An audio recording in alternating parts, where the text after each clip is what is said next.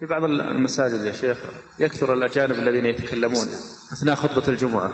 هل يحق للخطيب المداومة على التنبيه عليهم؟ لأنهم يتغيرون. إذا كثر الذين يتكلمون أثناء الخطبة يوم الجمعة فإن الخطيب نفسه يتكلم.